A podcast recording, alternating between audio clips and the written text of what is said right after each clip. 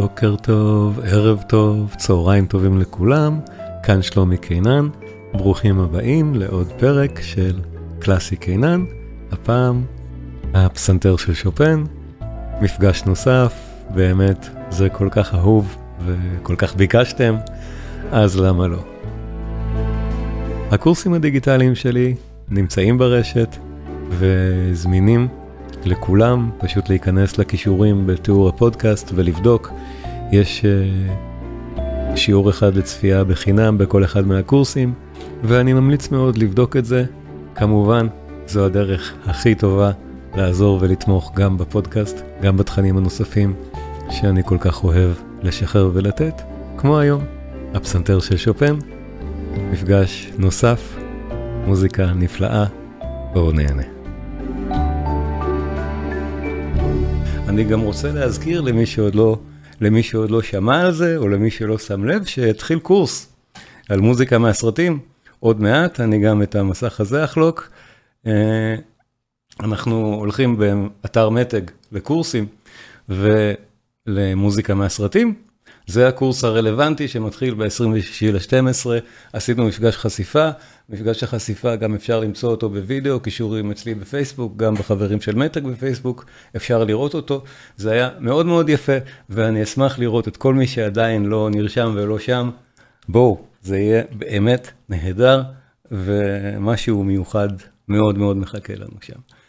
אז אנחנו, אנחנו מתחילים עם המפגש של היום, ו...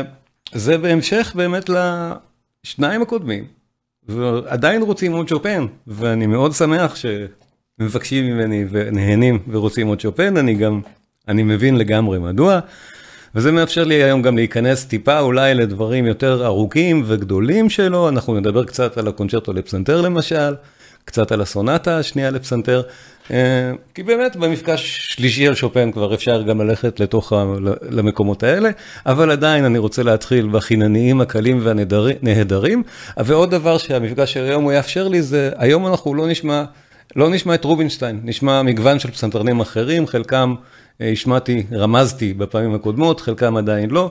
הראשון שאנחנו נשמע היום זה את אלכסנדר טורו הצרפתי, האוסף הוואלסים שלו, הוא גם נהדר, ואני רוצה בשביל החלק הקל יותר של הערב, שאיתו אנחנו נתחיל, ולסים ומזורקות, עוד כמה פשוט פנינים קטנטנות ומשגעות.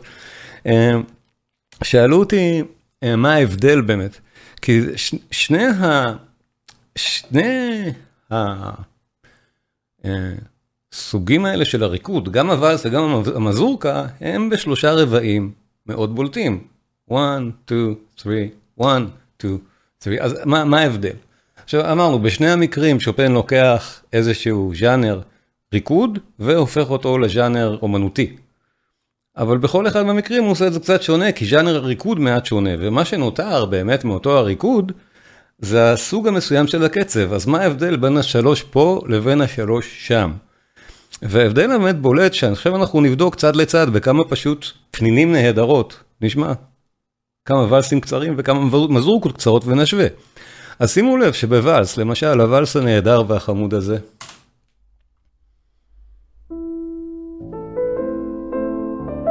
הפעמה הראשונה היא החזקה.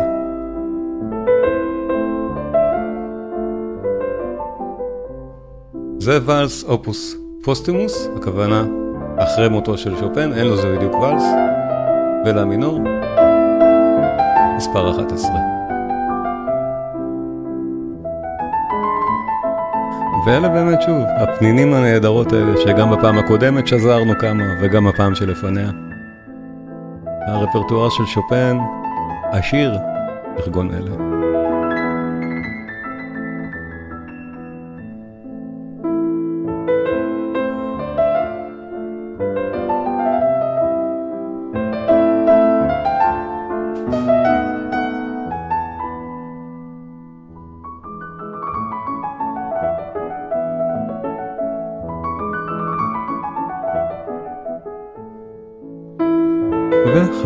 לנושא הראשון.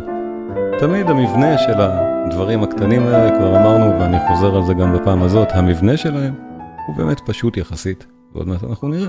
הצורות יותר מורכבות, המבנה שם מורכב יחסית. אבל הוואלסים והמזרוקות פשוט ומקסים.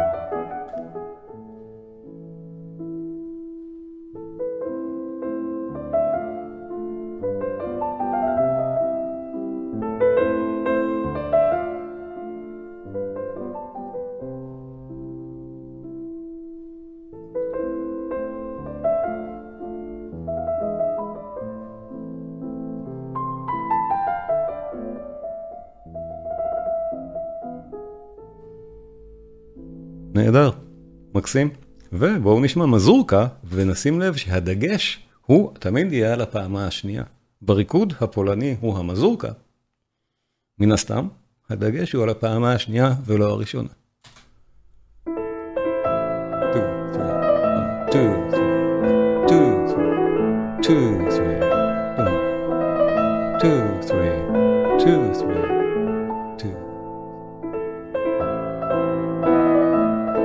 שמקסים באמת, אחד אחרי השני, היצירות האלה הן פנינים, ובזמן שהם מאזינים, בואו נראה, ההקלטה שאנחנו שומעים כאמור, זה תורו. גם בוואלסים זו הקלטה אחרת של תורו. המזרוקות לקוחות מהאוסף הזה. ואם תרשו לי, אני שנייה פותח את הדלת לחתול שלי וחוזר.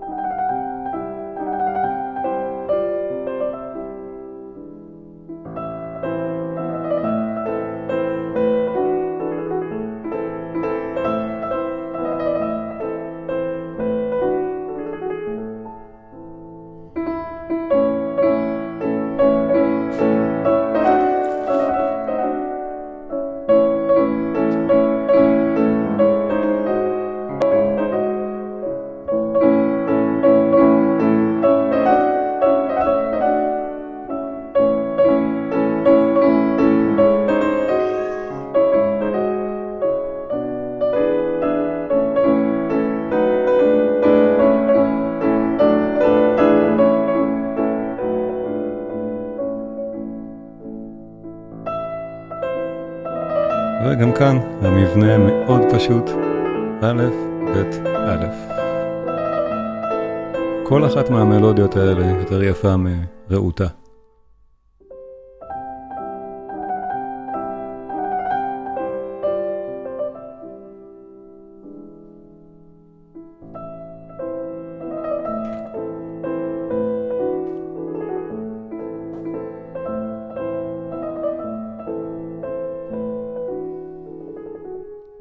ובואו נשמע עוד ואלס מקסים, עוד מיניאטורה נהדרת.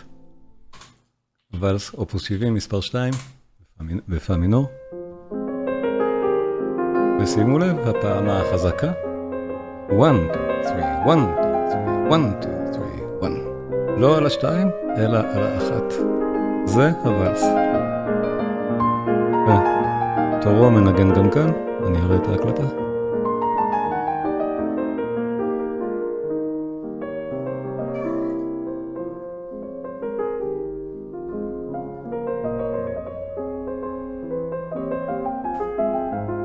אוסף מאוד מאוד מומלץ של ואלסים, מבצע אלכסנדר טורו.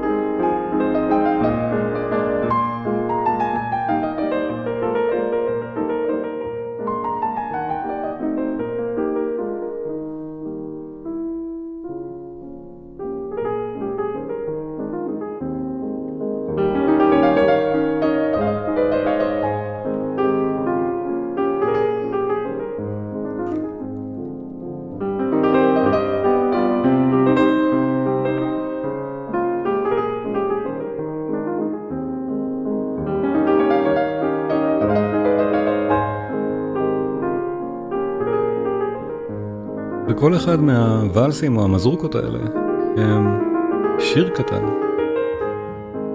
בעצם.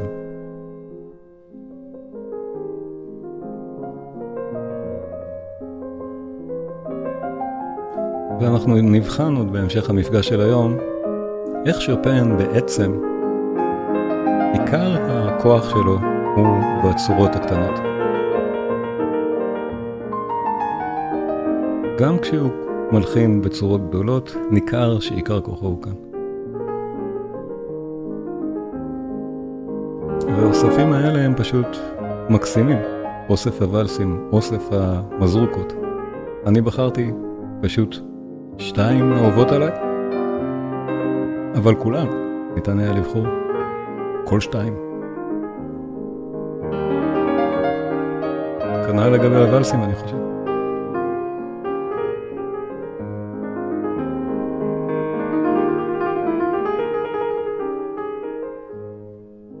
ושוב, לשם השוואה, עוד מזרוקה נהדרת, המזרוקה במינור, מספר 7, אופוס 17, מספר 2, ושוב, שימו לב, המשקל עובר לפעמה השנייה. 2, 3, 1, 2, 3, אפשר גם להבחין באופי הלחנים ששופן נותן למזורקות בניחוח יותר עממי, באמת פולני. שוב, גם בפעם הקודמת התייחסנו לזה. מחפשים וקשה מאוד להגדיר מה בדיוק פולני בסולמות הספציפיים ובהרמוניה הספציפית ששופן נוקט כאן, אבל כששומעים את הוואלסים ליד המזורקות, ברור שאלה יצירות יותר פולקלוריסטיות, לפחות באופיין המלודי, מאלו. או יותר פולניות, יותר סלאביות. אופי שונה.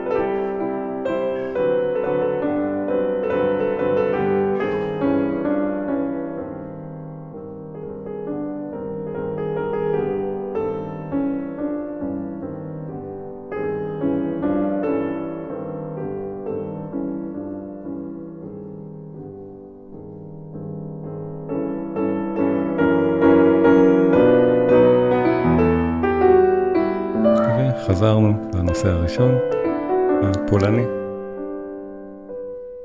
מאוד רומנטי. נושאים כל כך יפים במלואיות האלה של שופן.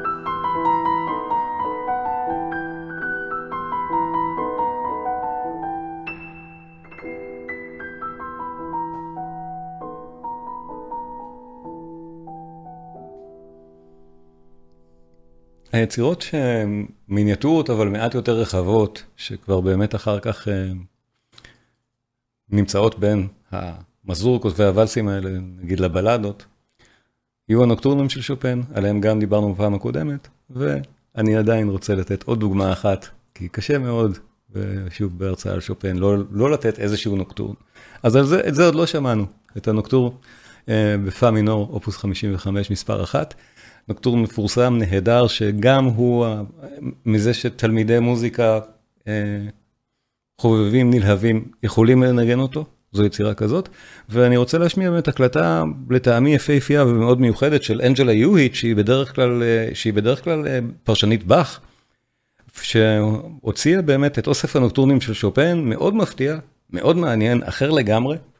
ונפלא בזכות עצמו. אז בואו נשמע, הנוקטורן הזה הוא כל כך מפורסם, שבאמת מרענן אולי לשמוע אותו מעט אחרת.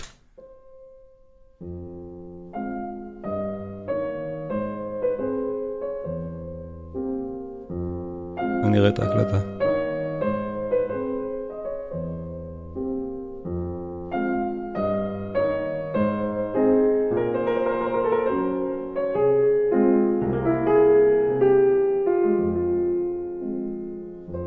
בטוח שאתם מזהים אפילו את היצירה, רק רגילים שהיא מנוגנת הרבה יותר רומנטי.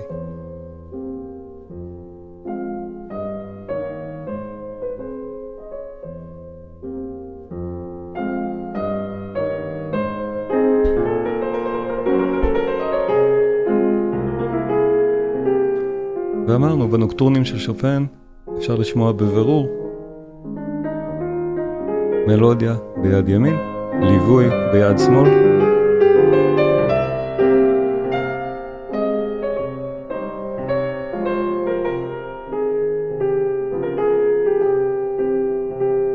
זו אחת הסיבות שיצירה מהסוג הזה היא קלה יחסית לנגינה, ואכן יועדה לסירקולציה רחבה של פסנתרנים חובבים של התקופה.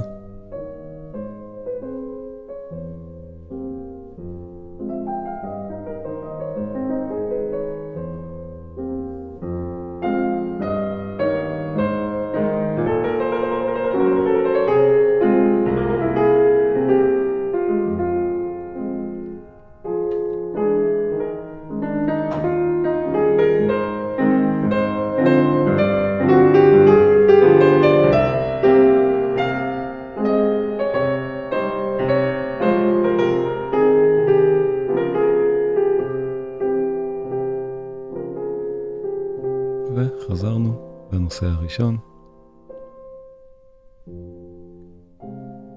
אבל אמרנו, הנוקטורנים הם באמת יצירות מורכבות יותר מאותם ואלסים ואותם מזורקות, גם במבנה שלהם, כי זה לא נגמר פה. יש לנו עוד המשך מאוד סוער. סוג של פיתוח.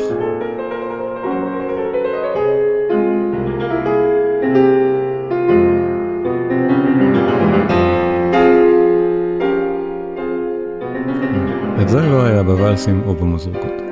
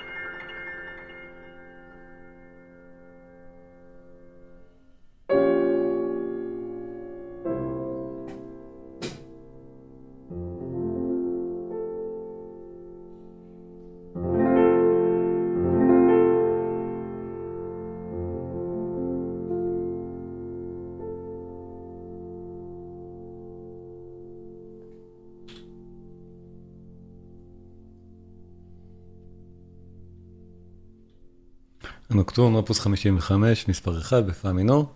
אנג'לה יואיט ניגנה את זה כאן, מנגנת את זה לטעמי נהדר, מאוד מיוחד, והנוקטורנים שלה מומלצים בתור הביצוע הנוסף, אחרי שמכירים באמת את הביצועים היותר סטנדרטיים של היצירות האלה, אני חושב. עוד, עוד פסנתרנית נהדרת שמנגנת את שופן זו מרתה ארגריך, שכל, אני חושב שכל מה שהיא מנגנת הוא נהדר. כל מה, ש, כל מה שהיא נוגעת בו אני תמיד אוהב. אז, אה, אבל גם במקרה של שופן. והיצירה שאני רוצה לדבר עליה עכשיו היא יצירה שהיא קצת בעייתית לדיבור. הקונצ'רטו הראשון לפסנתר של שופן זה יצירה מאוד גדולה מבחינת ממדים. זה 40 או 45 דקות לביצוע. אה, זה אורך כזה שזה בעצם ערב בזכות עצמו לדבר על הקונצ'רטו, אבל אני לא רוצה להקדיש לו ערב, אני רוצה רק לדבר עליו מעט, על הפרק השני שלו, שהוא הפרק הבאמת... Uh, אני חושב אה, שיש לו חיים בזכות עצמו, זה מהפרקים האלה שהם כל כך רומנטיים, באמת, ואפילו אולי בטובנים ברומנטיות שלהם, עוד נשמע את זה. ואני רוצה למצוא דרך להכליל את זה, ולדבר גם על הפרק הראשון, אבל מאחר והיצירה באמת כל כך ארוכה, הפרק הראשון הוא יכול להגיע ל-22-23 דקות לביצוע, אני רוצה לשמוע רק את, את חלקו, את האקספוזיציה של הנושאים, זה מה שחשוב לי להראות בזה. והנקודה שהיצירה הזאת היא יצירה באמת בעייתית מבחינת שופן, זו יצירה של שופן הצעיר מאוד. שוב, בחייו היצירתיים, גיל 20 זה גיל צעיר. אה, ודאי שליצירה בסוגה כל כך גדולה ומשמעותית כמו קונצ'רטו רומנטי, צריך לזכור שקונצ'רטים רומנטיים לפסנתר הגדולים יש מעט מאוד. אה, מי שהתחיל את הסוגה זה מוצרט, אכן יש לנו סדרה של קונצ'רטים נהדרים לפסנתר, אבל אחרי מוצרט לבטהובן יש חמישה, אה, לברמס יש שניים. לשומן יש אחד, לגריג יש אחד, לליסט יש שלושה, זה לא סוגה קלה בכלל. ואף אחד מהקונצ'רטי האלה של כל המלחינים הגדולים שמניתי הוא לא יצירת נעורים. אפילו מוצרט, הקונצ'רטו הראשון הגדול שלו, זה הקונצ'רטו התשיעי לפסנתר, שהוא מגיל 21 של מוצרט. אז שופן הלחין שני קונצ'רטי בגיל 20, אפילו הסדר שלהם הוא הפוך, הקונצ'רטו השני הולחן לפני הראשון ורק פורסמו בסוף בסדר הפוך, בהפרש של כמה שבועות אחד מהשני, כשהיה לו ממש אה, אירוע ספציפי בראש, לטובתו הוא הלחין את היצירות האלה, הוא אה, ערך קונצרט פרידה לעצמו, הוא נפרד ברעש גדול מוורשה, שבה הוא היה כוכב באמת אה, כילד פלא מגיל מאוד צעיר, מאוד אהוב שם. והוא נפרד מוורשה מול קהל עצום, היצירות מאוד הצליחו, אני לא יודע אם אפילו צריך להגיד שהיצירות הצליחו, או ששופן כמבצע הווירטואוז שלהן הצליח, הקונצרטים הצליחו. והוא ביצע אותם עוד פעם בווינה, כשהוא ניסה, חיפש שם קריירה, ואחר כך בפריז, אבל די זנח גם את היצירות וגם את הסוגה. הקונצ'רטו כסוגה, או בכלל מוזיקה תזמורתית, לכתוב לתזמורת, לא עניין אותו בעליל.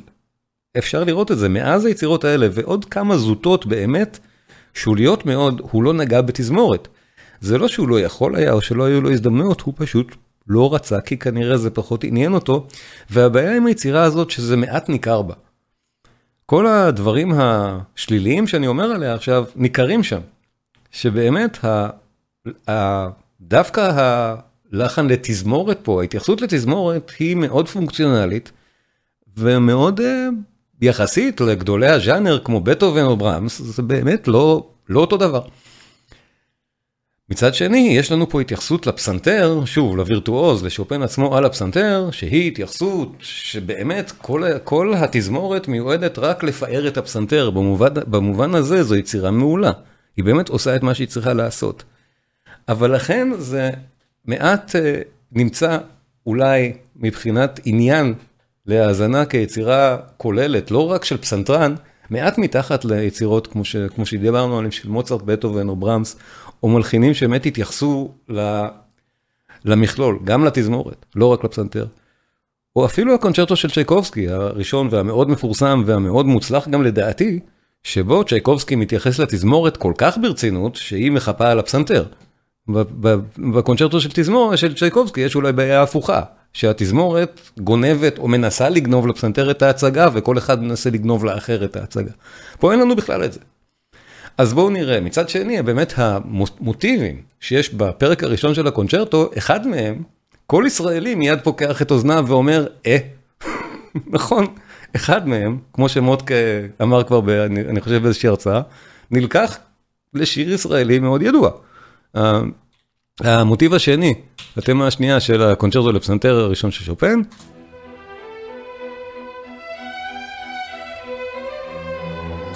היום אולי נראה בו עליי. וכשזה חוזר עם הפסנתר זה באמת רומנטי.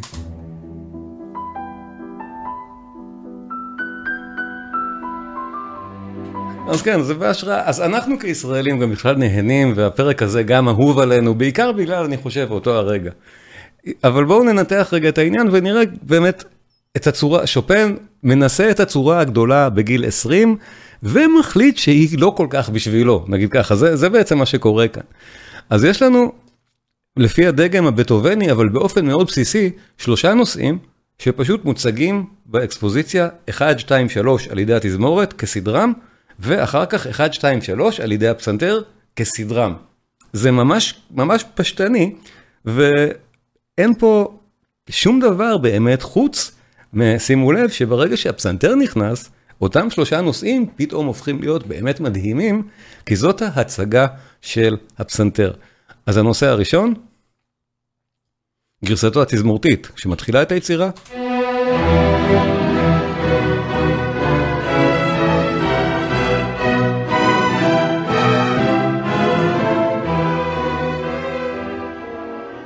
גרסתו הפסנתרית, ברה-אקספוזיציה של הפסנתר, אמרנו, כסדרם.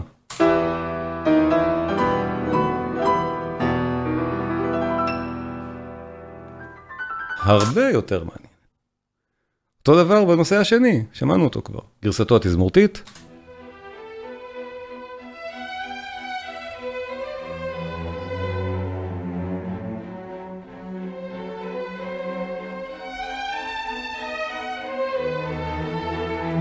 בגרסתו הפסנתרית.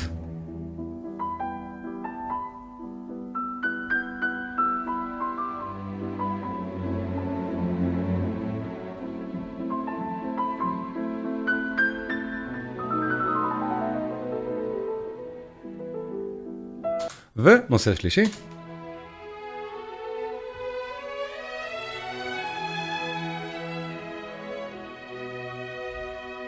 בדיוק באותה צורה. הוא מגיע לנו באקספוזיציה בגרסתו הפסנתרית.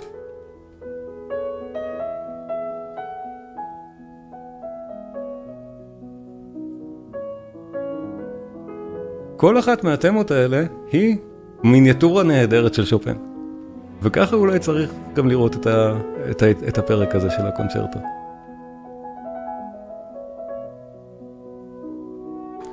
חלק הפיתוח, שאנחנו נשמע את חלקו, אמרתי, לא יהיה לנו זמן לשמוע עכשיו באמת 20 ומשהו דקות של הפרק המאוד ארוך הזה, אבל את חלק הפיתוח, באופן מאוד מעניין, מתחיל באותו נושא שני, מפורסם.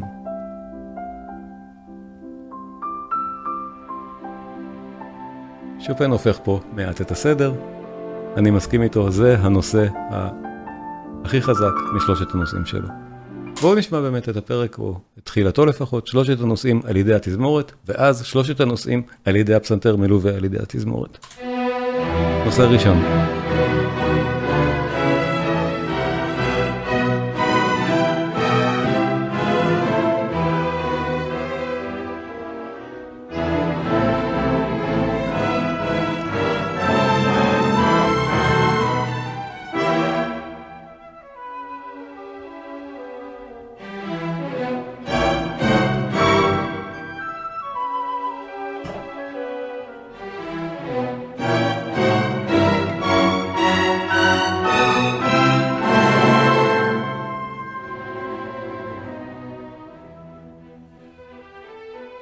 חיוך.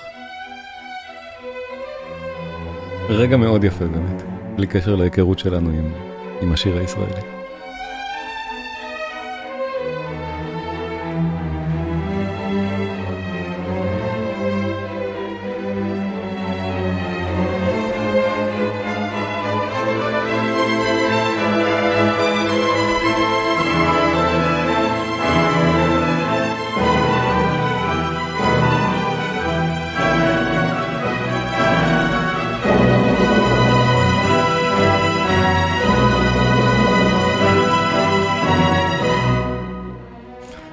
חדי האוזן מבחינים שהכתיבה התזמורתית, הקומפוזיציה התזמורתית היא בסיסית, חסרת באמת שום אה, מעוף או התייחסות ספציפית דווקא לכתיבה תזמורתית. בואו נזכור, זו יצירה, אנחנו הרבה אחרי בטהובן כאן. נושא שלישי, יפהפה בזכות עצמו. התמות עצמם של שופן, הלחנים עצמם, אין מילה רעה להגיד עליהם. ברור.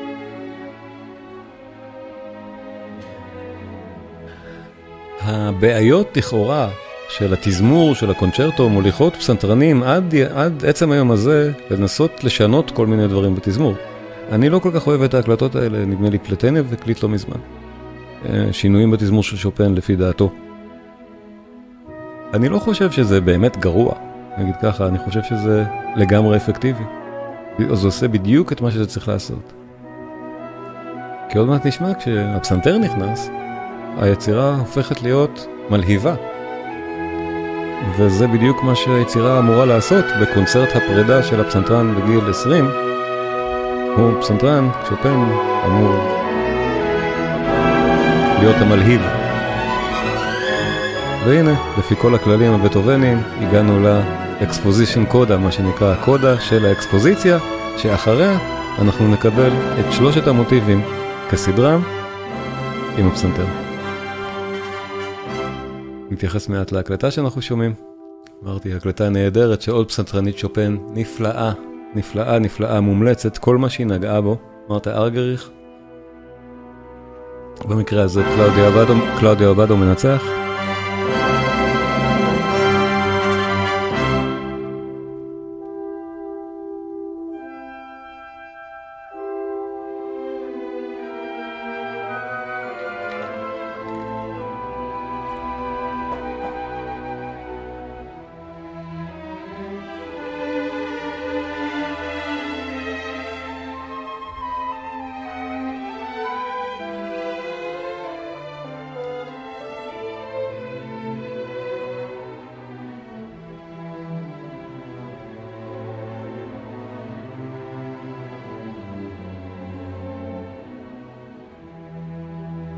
שימו לב, נושא ראשון נכנס, ואחריו הנושא השני ממש בדיוק כמו שהם היו בהתחלה מבחינת הסדר והאורך היחסי שלהם.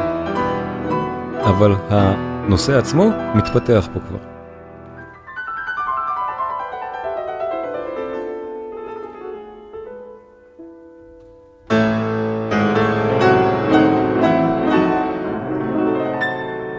ומיד הנושא השני שכולנו מכירים מצוין, לכן נוכל לזהות אותו כאן ככזה.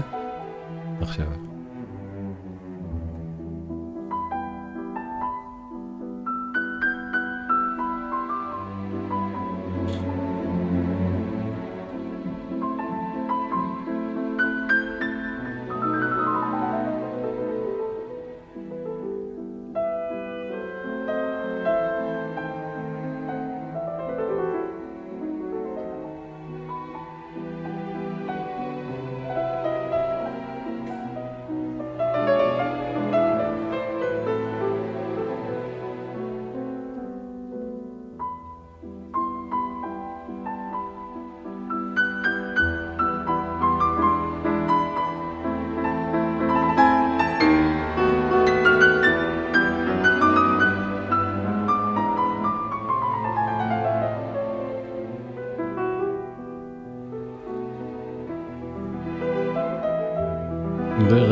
כך יפה.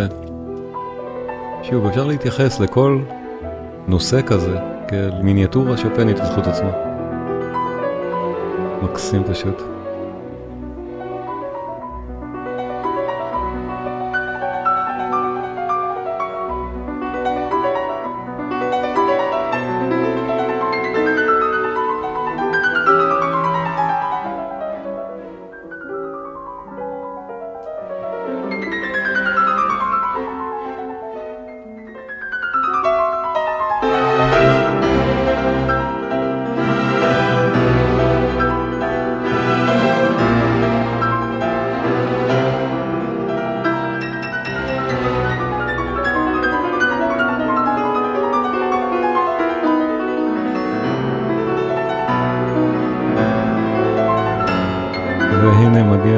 השלישי, אם אנחנו זוכרים, לא פחות יפה מהשני.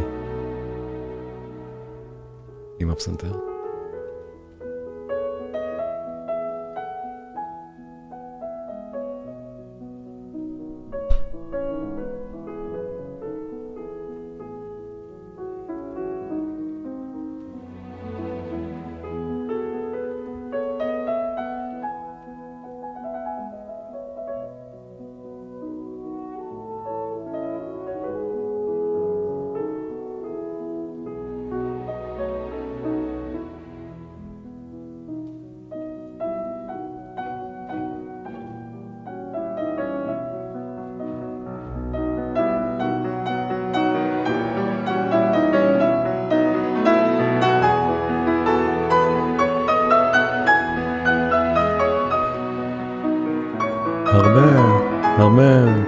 בזכותה של מרתה ארגריך גם, של הפסנתרנית, זה נשמע כל כך טוב. היא נהדרת. מי שמכיר את היצירה טוב אולי שם לב שהיא גם מנגנת את זה יחסית מהר. ההקלטה הזאת שלה, הפרק הוא 20 דקות, 19 דקות. הקלטות אחרות הוא מגיע ל-23 דקות. אבל זה לא נשמע שהיא ממהרת. נשמעת נפלא פשוט.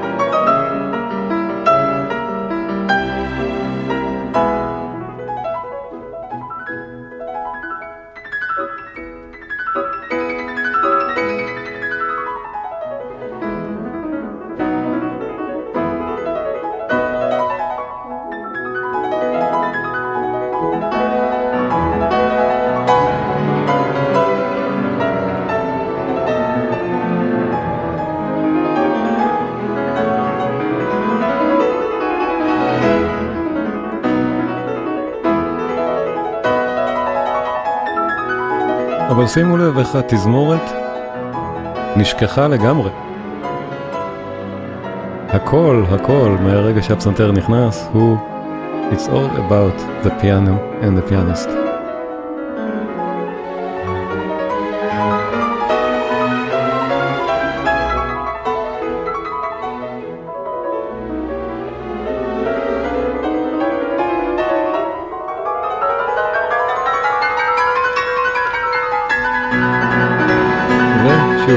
אותה קודה של האקספוזיציה.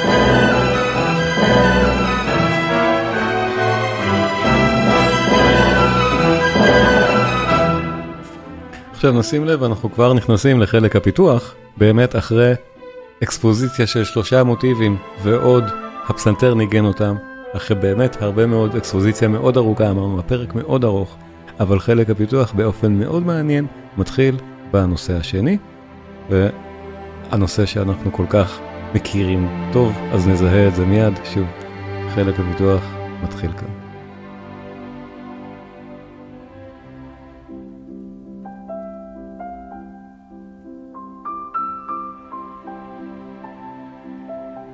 באלבורציה נהדרת על המוטיב.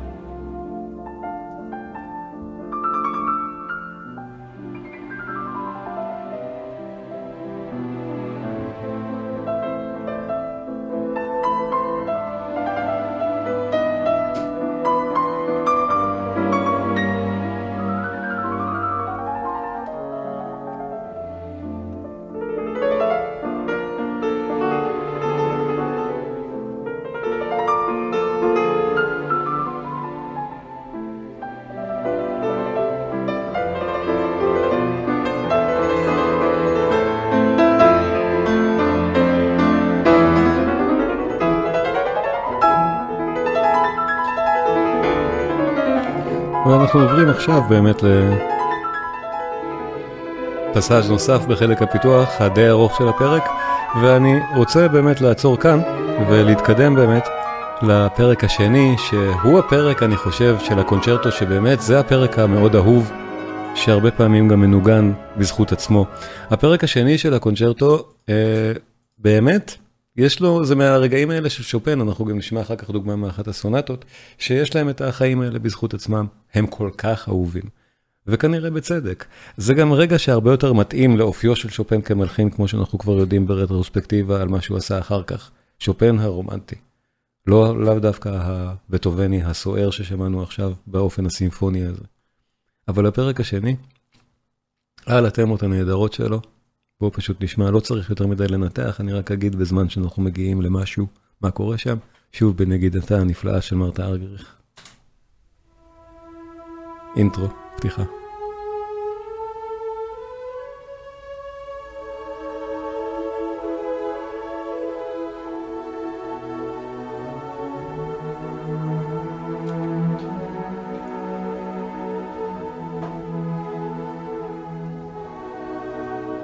מעניין באמת לראות איך שופן מאוד נעזר כאן בצורת הסונטה.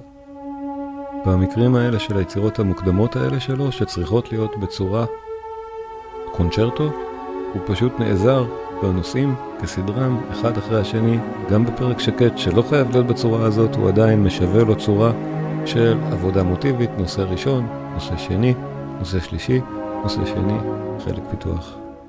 גם לזה. הוא ממש נאחז בזה בשביל להצליח לעצב צורה גדולה. אחר כך נראה בבלדה בצורה זה מקבל. נושא ראשון.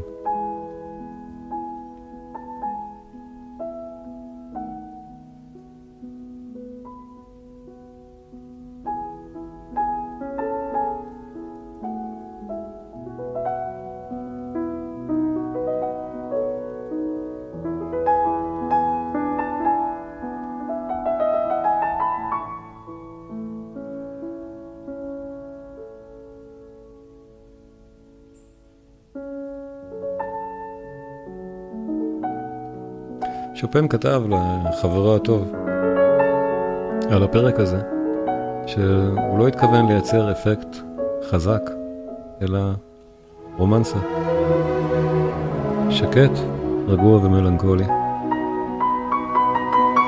נותן את הרושם של מישהו שמסתכל בעדינות לנקודה שמזכירה אלף זיכרונות שמחים.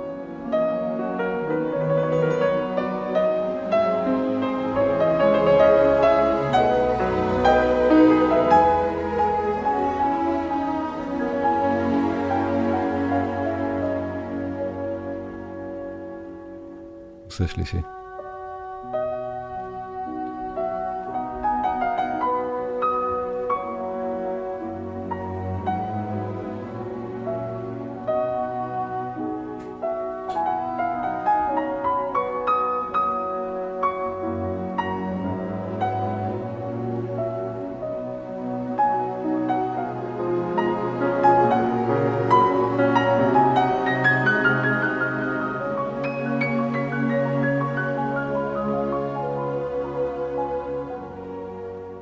למצוא פה את ההדהודים של פרקים שקטים של בטהובן, למשל בקונצ'רטו החמישי לפסנתר.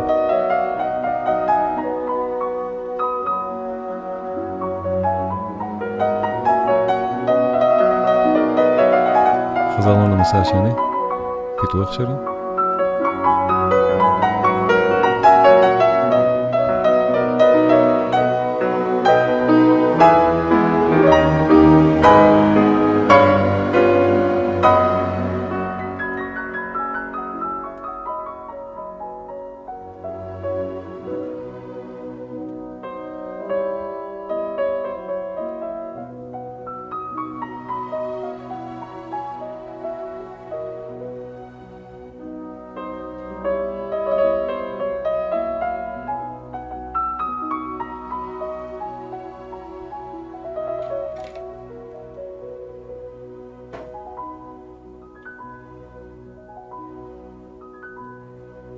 ועכשיו אנחנו מגיעים פשוט לחלק הפיתוח, אם זה היה בצורת סונטה, אבל למעשה זה פשוט חזרה על שלושת הנושאים כמעט כסדרם, ופיתוח קל שלהם באמת, כי הרי הפסנתר הוא הכוכב, והוא מנגן על הנושאים האלה כל פעם וריאציה קלה.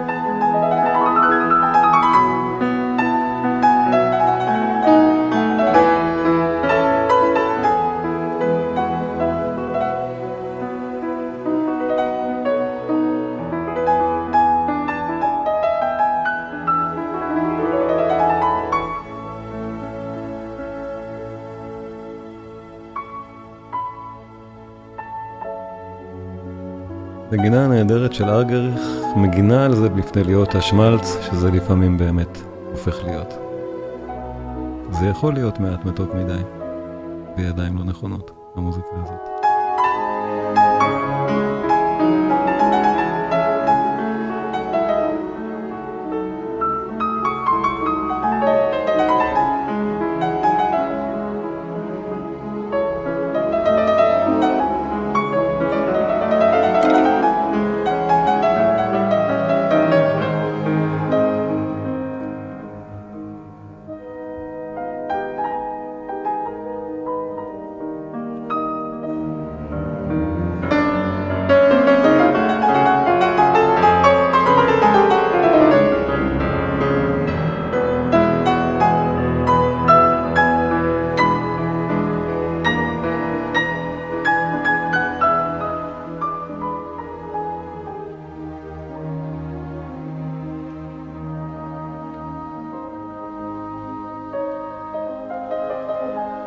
נושא שלישי, נהדר. זה נושא נהדר, אולי ראוי באמת, לדבר על הקונצ'רטו הרומנטי לפסנתר במסגרת הרצאה. יש שניים שאפשר אולי להכליל בהרצאה כזאת, אחד של שומן, השני של גריג, שלדעתי הם יצירות נפלאות בלי קשר לשאר הרפרטואר של המלחינים. שניהם קונצ'רטים רומנטיים נהדרים של לפסנתר, ודאי שלמשל קונצ'רטו כמו של שומן, מאותה תקופה של הקונצ'רטו הזה של שופן, פחות או יותר. ויש הרבה מאוד מקום להשוואה. קונצ'רטי הרומנטי לפסנתר זה נהדר. אז אולי כדאי. אולי בהרצאה הבאה. תהנהנו לי אם זה נראה לכם טוב.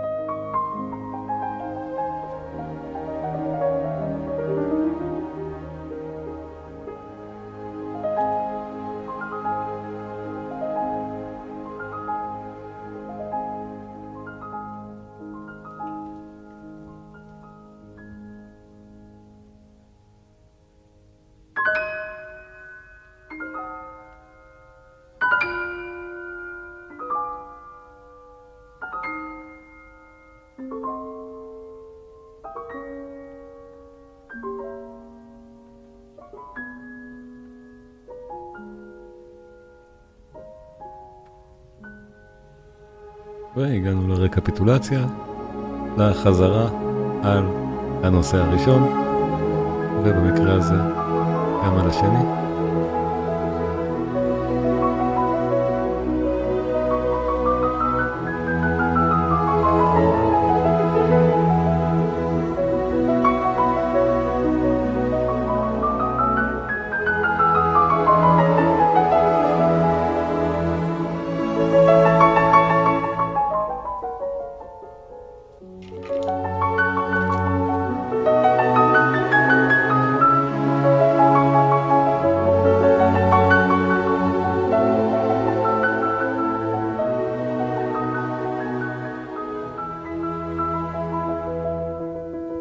יצירה נוספת שראויה להז... להזכרה בהקשר הזה, אבל ודאי שלא יהיה זמן להשמיע אותה היום, זה הסונטה השנייה לפסנתר של שופן, שגם יצירה ארוכה. אין הרבה כאלה. זו אחת הבודדות יחד עם הקונצ'רטו הזה. אבל הסונטה השנייה היא יצירה של שופן המבוגר, שונה לגמרי. והיא באמת נחשבת אחת מהגדולות בסוגה. הסיבה שלא נדבר עליה היום, כי אם יש יצירה שמכניסה לדיכאון זו היא, זה מרש האבל המפורסם. אז אני לא כל כך רוצה.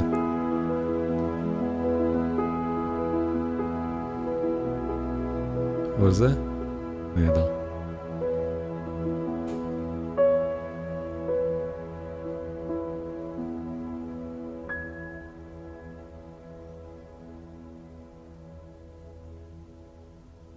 איזה יופי. הקונצ'רטו לפסנתר של שופן. הפרק השני זה פרק באמת נפלא, ובטח כשהוא מנוגן כך.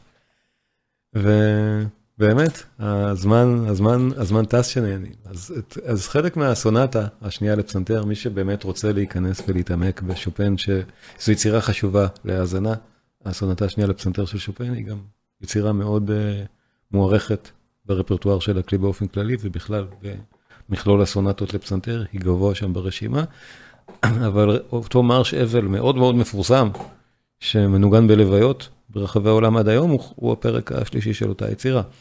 אז אה, לא, אני לא כל כך רוצה להיכנס אליה, ואנחנו באמת נוותר, אם, אם אתם סקרנים, גם הסונטה לפסנתר מספר 2 של שופן יצירה בהחלט ראויה להאזנה, אבל באמת אני רוצה שאנחנו נסיים בקלות שהתחלנו, בואו נשמע עוד ואלס נהדר לסיום של שופן. הוואלס אופוס 69 מספר 2 בסימינור. תורו מנגן, כמו קודם.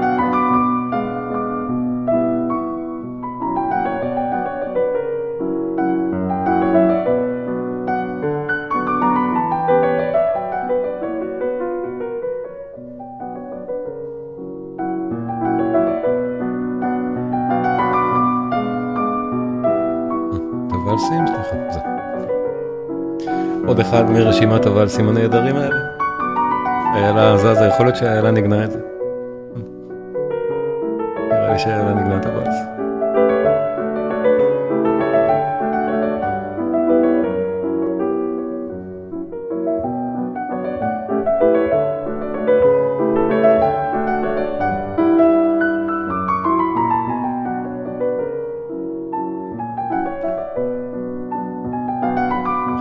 אז הפסנתרנים שאני באמת ממליץ להקשיב להקלטות שלהם, כי גם האיכות הטכנית שלהם היא טובה, מספיק בשביל אה, ליהנות מהכל. כמו שאמרנו, רובינשטיין למשל, זה בעיה, כי חלק מהדברים שלו הם כל כך ישנים שזה במונו עם חריקות של תקליט, חלק מצוינים. אז המחזור של אשכנזי נהדר ומומלץ. המחזור של פרהיה, אה, סליחה, של אה, ראו. נהדר ומומלץ לדעתי, אני מאוד אוהב אותו. וגם הדברים הקטנים שהם לא מחזורים מלאים, כמו טורו, כמו ארגריך, כמו עוד כמה פסנתרנים נהדרים ששמענו במהלך הפגישות האלה, ששווה מאוד להאזין להם לשופט.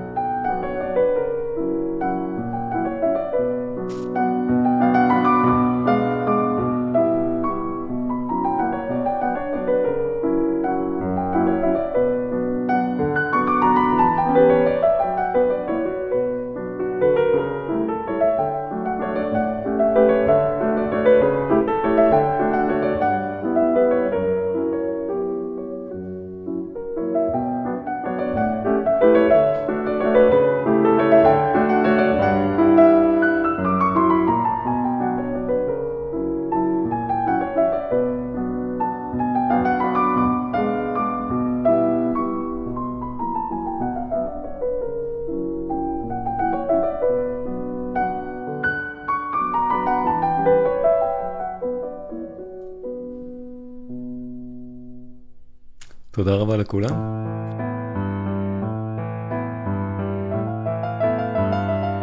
תודה רבה לכם על ההאזנה, אני הייתי שלומי קינן. אני מזכיר, גם הקורסים הדיגיטליים, גם uh, הרשמה לקורס עוד חודש של מוזיקה מהסרטים, הכל נמצא בתיאור של הפודקאסט. תבקרו שם, תסתכלו, זה דברים נהדרים. תודה רבה, משתמע.